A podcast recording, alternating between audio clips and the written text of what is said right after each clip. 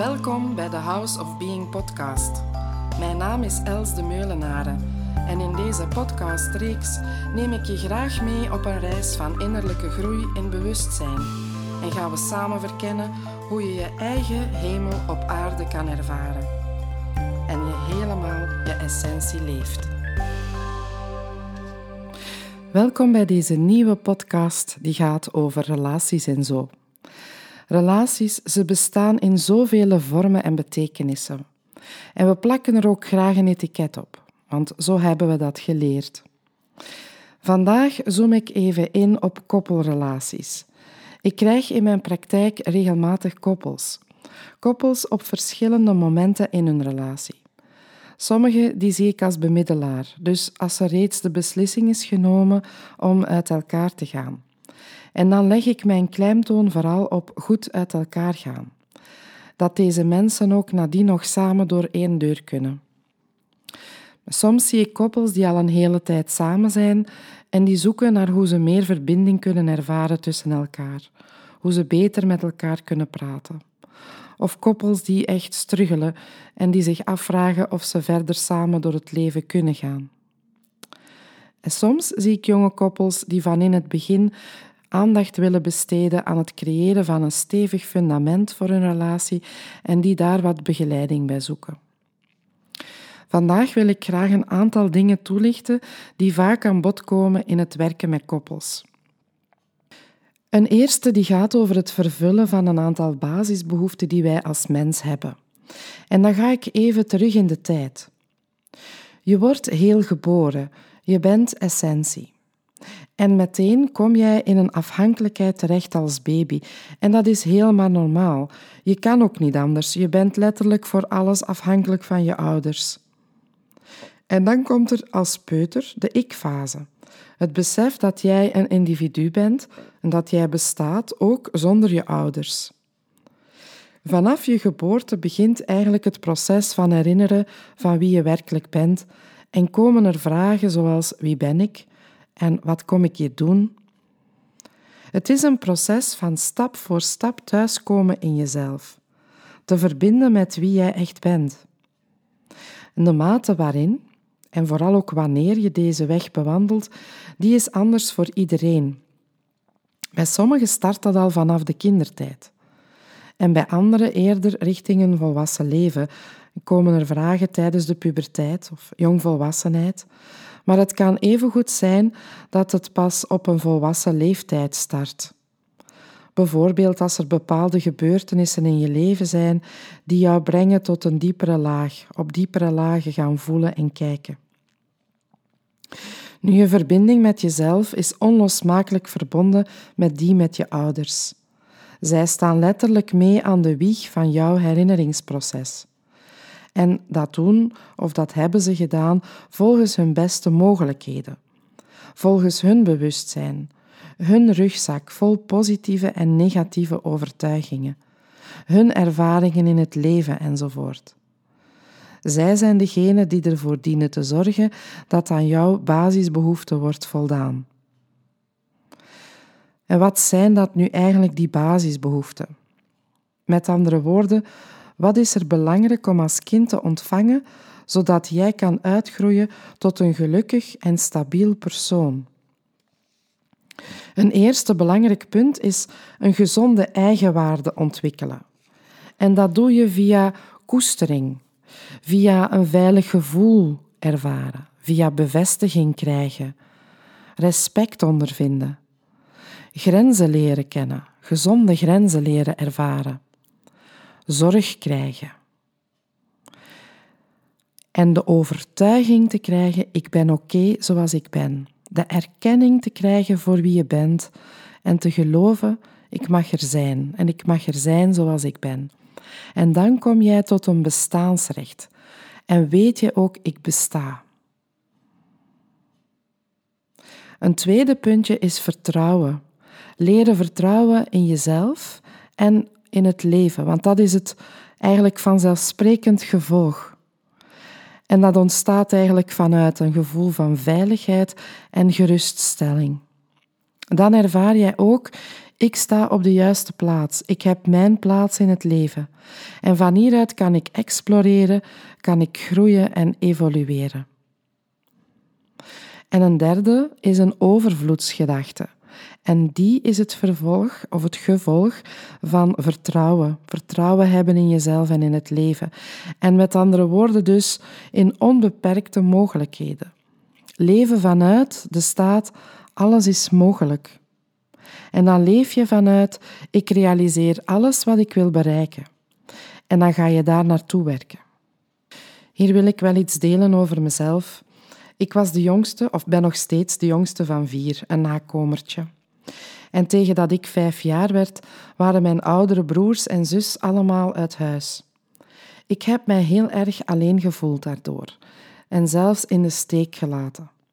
Nu, zij hebben dat niet bedoeld, want zij gingen gewoon hun leven leiden als volwassenen. Maar ik voelde mij heel onveilig en ik heb veel angsten gekend. Na mijn volwassenheid toe heb ik altijd een ander iemand gezocht.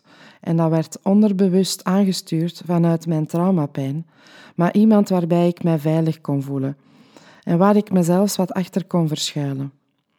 Pas een tiental jaar geleden heb ik dat patroon echt ten volle ingezien en kon ik dat ook beginnen opruimen, om dan de veiligheid bij mezelf te vinden. En dat was echt voor mij cruciaal. En je kan je de vraag stellen: op welke manier heb jij de nodige basisbehoeften ontvangen? En los van oordeel hoor, want ik ben ervan overtuigd dat elke ouder zijn uiterste best doet volgens eigen mogelijkheden die hij heeft. En dan kan je je afvragen hoe zit het met mijn basisbehoeften? Hoe stevig sta ik op mijn eigen benen in mijn leven? En zo kom ik naadloos bij het tweede punt dat ik in deze podcast wil belichten. Als wij deze behoeften niet ontvangen hebben of onvoldoende, of niet op de manier die voor onszelf goed was, dan gaan we die heel vaak buiten ons zoeken om in te vullen, om te vervullen in de relaties die wij aangaan. Dat kan zowel in partnerrelaties zijn, maar dat kan ook gebeuren bij vrienden, in relaties met collega's en ook zeker en vast als je kinderen hebt met je kinderen. Het is aan ons om te ontdekken wanneer wij opgroeien wie we zijn en om meer en meer onszelf te worden, namelijk een onafhankelijk, vrij en krachtig mens. En we dus leren onszelf te geven wat wij nodig hebben om vrij in de relatie tot anderen te staan. Dat wil natuurlijk niet zeggen dat als jij in een relatie bent, dat jij niets mag vragen aan je partner, maar dat jij niet afhankelijk bent van het antwoord om in balans te blijven. Ik, gebruik hierbij het beeld van een Venn-diagram, dus twee cirkels. En elkeen van de relatie, of ieder persoon in de relatie, die stelt een cirkel voor. En elke cirkel die omvat een binnenkant en een buitenkant. Dus jouw binnenkant, dat is jouw innerlijke wereld. Die bestaat uit al jouw gedachten, je gevoelens, je ervaringen, je verwachtingen, je herinneringen, jouw zijnskwaliteiten, wie jou tot jou maakt, jouw unieke zijn. En dan is er de buitenkant, die anderen te zien krijgen, jouw gedrag, je doen en je laten. En wanneer je met iemand in relatie komt, dan gaan die cirkels elkaar raken. Er ontstaat een gemeenschappelijke ruimte. En er blijft ook een eigen ruimte over. In de gemeenschappelijke ruimte wordt de relatie geleefd. Daar gebeuren alle fijne dingen, daar gebeuren ook alle triggers. Daar krijg je dus ook een blik op elkaars innerlijke wereld. Als je in de gemeenschappelijke ruimte getriggerd wordt, dan is het eigenlijk de kunst om jezelf daar even uit terug te trekken en te onderzoeken wat er juist in jou gebeurt. En daar dan je eigen werk mee te doen. Want ik zie triggers als kansen omdat ik geloof dat dingen zich meestal aandienen om geheel te worden. En voor mij betekent dat weer heel worden in jezelf, weer een stapje dichter komen bij wie je werkelijk bent. Vaak is bewust worden en het er laten zijn de ruimte aangeven al voldoende. En soms vraagt het wat meer werk en is er tijd nodig. En heb je wat hulp van buitenaf nodig om iets te verwerken of om te polen. En dan op dit punt zie ik dan ook vaak mensen alleen om te kijken naar die persoonlijke triggers. Als het dan voor jou helder is en er komt verzachting en je kan dat daarna met jouw partner delen, dan heb je en de verantwoordelijkheid voor jezelf genomen. Met andere woorden, niet jouw partner de schuld gegeven van jouw pijn of je kwaadheid, je teleurstelling of wat dan ook. Ben je dus in de verbinding met je partner gebleven en wordt die verbinding nog versterkt door het met elkaar te gaan delen. Triggers die hebben vaak te maken met die eerste pijnen en of de tekorten die jij als kind hebt ervaren en die in je volwassen leven nog terug opspelen. Waar jij getriggerd wordt, heeft vaak ook te maken met jouw eigen onvervulde behoeftes en verlangens. En als dat ook speelt ten aanzien van je partner, is het natuurlijk ook heilzaam om dat met die partner te bespreken. Nog even verder gaand op mijn voorbeeld van daarnet. Met mijn voormalige man wilde ik graag veel samen doen. Dat kwam voort uit mijn trauma van alleen zijn. Samen zijn voelde veilig voor mij. Maar zo ontstond er ook afhankelijkheid. En dat inzien en daaraan werken, dat was voor mij heel erg belangrijk om te leren onafhankelijk te worden, krachtig en sterk op mijn eigen twee benen. En om mij dus goed en veilig te voelen met mezelf. Ik herinner mij dat dat toen er tijd wel voor conflicten heeft gezorgd, want ik roerde aan het systeem dat we beiden hadden ontwikkeld. Dus mijn verandering, dat raakte ook zijn systeem. Nog een ander voorbeeldje.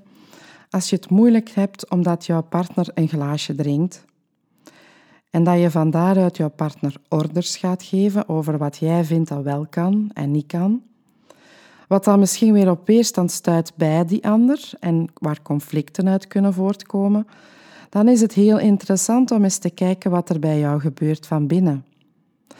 Welke angst zit er bij jou die maakt dat je op die manier reageert? En dan kan je daarmee aan de slag. Als je dat nadien terugkoppelt aan je partner, dan komt er vanzelf een andere grond om van daaruit datzelfde issue, datzelfde thema te gaan bespreken. Een derde puntje, dat zijn de dynamieken in relaties. Daarvoor gebruik ik dan altijd de pen die ik vast heb op dat moment. Ik hou die horizontaal vast. En ik toon dan aan elke kant staat er een partner in een evenwaardige verbinding naast elkaar. Ieder in zijn volwassenheid. Ieder die zijn eigen verantwoordelijkheid neemt. Nu, als een van beiden in een pijn schiet of een tekort schiet, dus het overlevingssysteem wordt actief, dan verandert de dynamiek. En er zijn verschillende opties. Bijvoorbeeld, de pen gaat langs één kant naar beneden. Dan gaat de andere kant automatisch naar boven.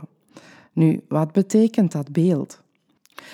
Als de ene in een soort van kindpen komt, dan komt hij ook in een kindpositie terecht waardoor de andere in een ouderrol komt, moeder of vader. Omgekeerd kan ook. De ene komt bijvoorbeeld in een patroon van dominantie of controle terecht, dus de meer machtige, in een soort ouderrol. Dan komt daardoor de andere vanzelf in een kindpositie terecht, in een minder machtige positie. En dan kan je zeggen dat de balans verstoord is. Tenzij degene die niet in de pijn schiet op het midden blijft en doorheeft dat er een verschuiving van energie is en daar niet in meegaat. Dat is de snelste manier om eruit te geraken, want dan wordt degene in overleving op zichzelf gesmeten.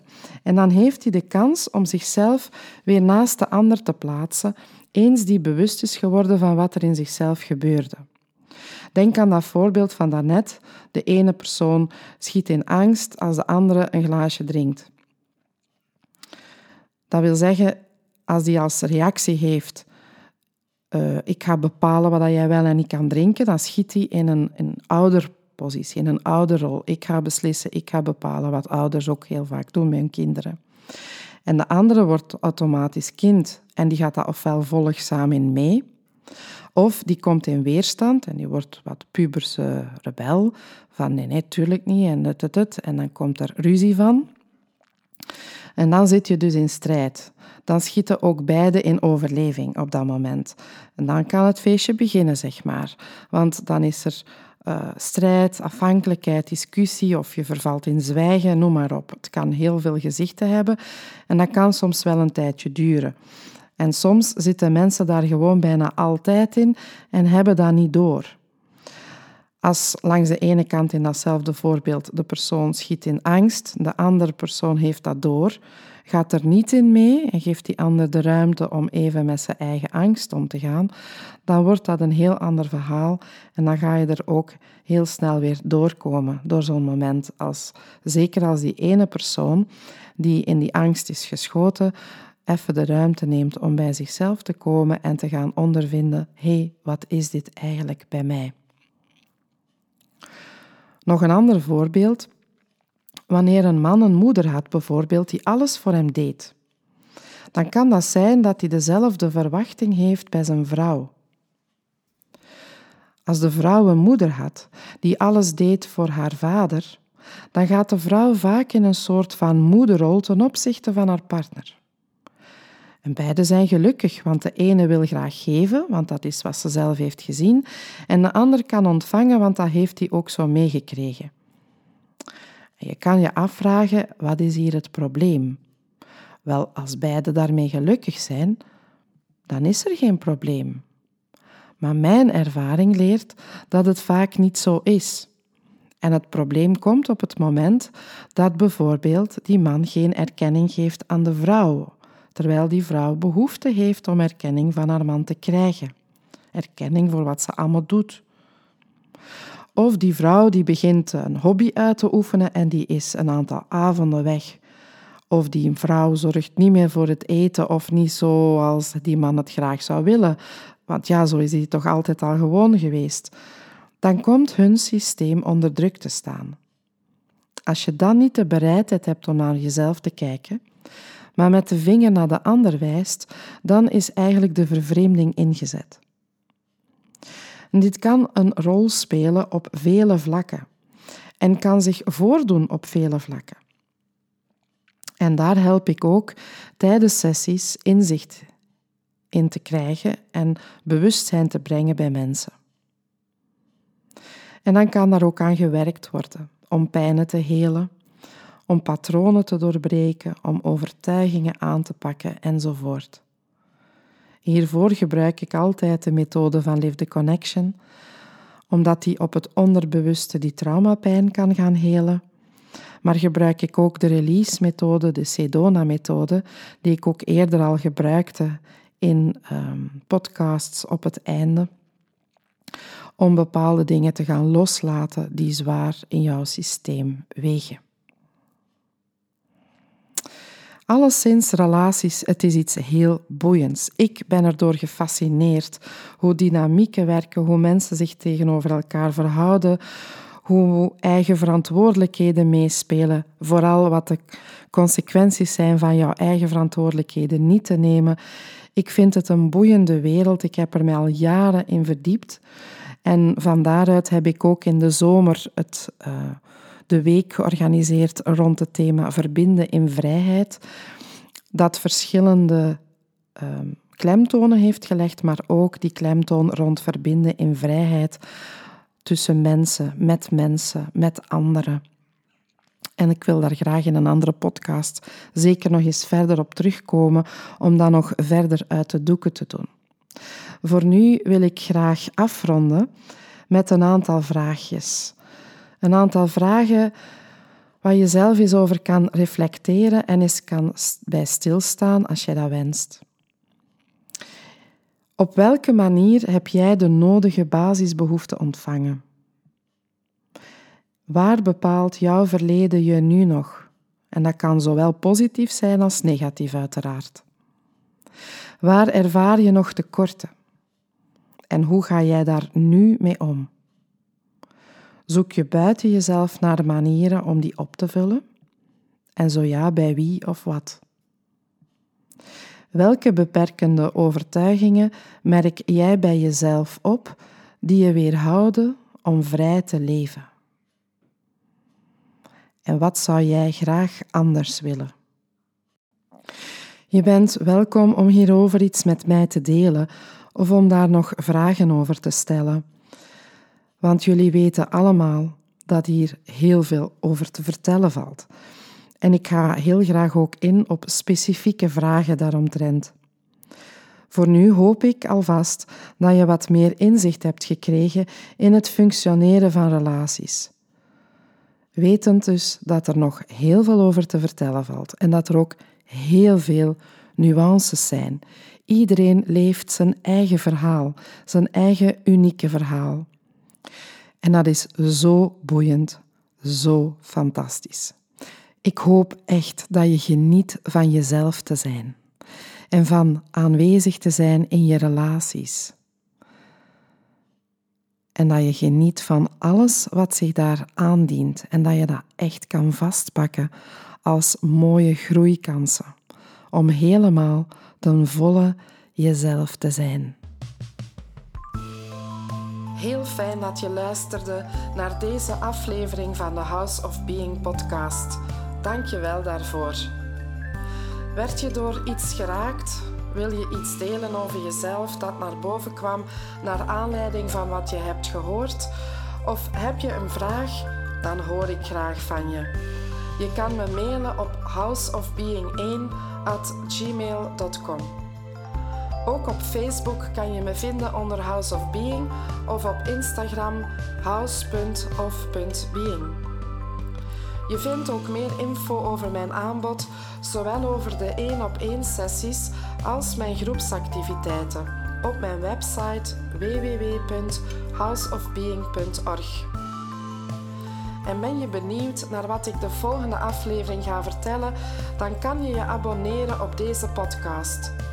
Dat kan je heel eenvoudig doen door in de app op de button subscribe of abonneren te klikken. En elke keer als er een nieuwe aflevering gepubliceerd wordt, ontvang je automatisch een berichtje. En als jij enthousiast bent over deze podcast, dan kan je makkelijk een review achterlaten. Dat kan je doen door in je app op reviews te klikken. Afhankelijk van welk platform je luistert, kan je sterren geven of een review schrijven. Ben je aangeraakt door deze podcast en wil je mee bijdragen aan het verspreiden van mijn boodschap, dan kan je ze delen met anderen door de link te kopiëren en door te sturen, of een screenshot te nemen en op je social media te plaatsen. Zo, nogmaals hartelijk dank om te luisteren en heel graag tot de volgende keer.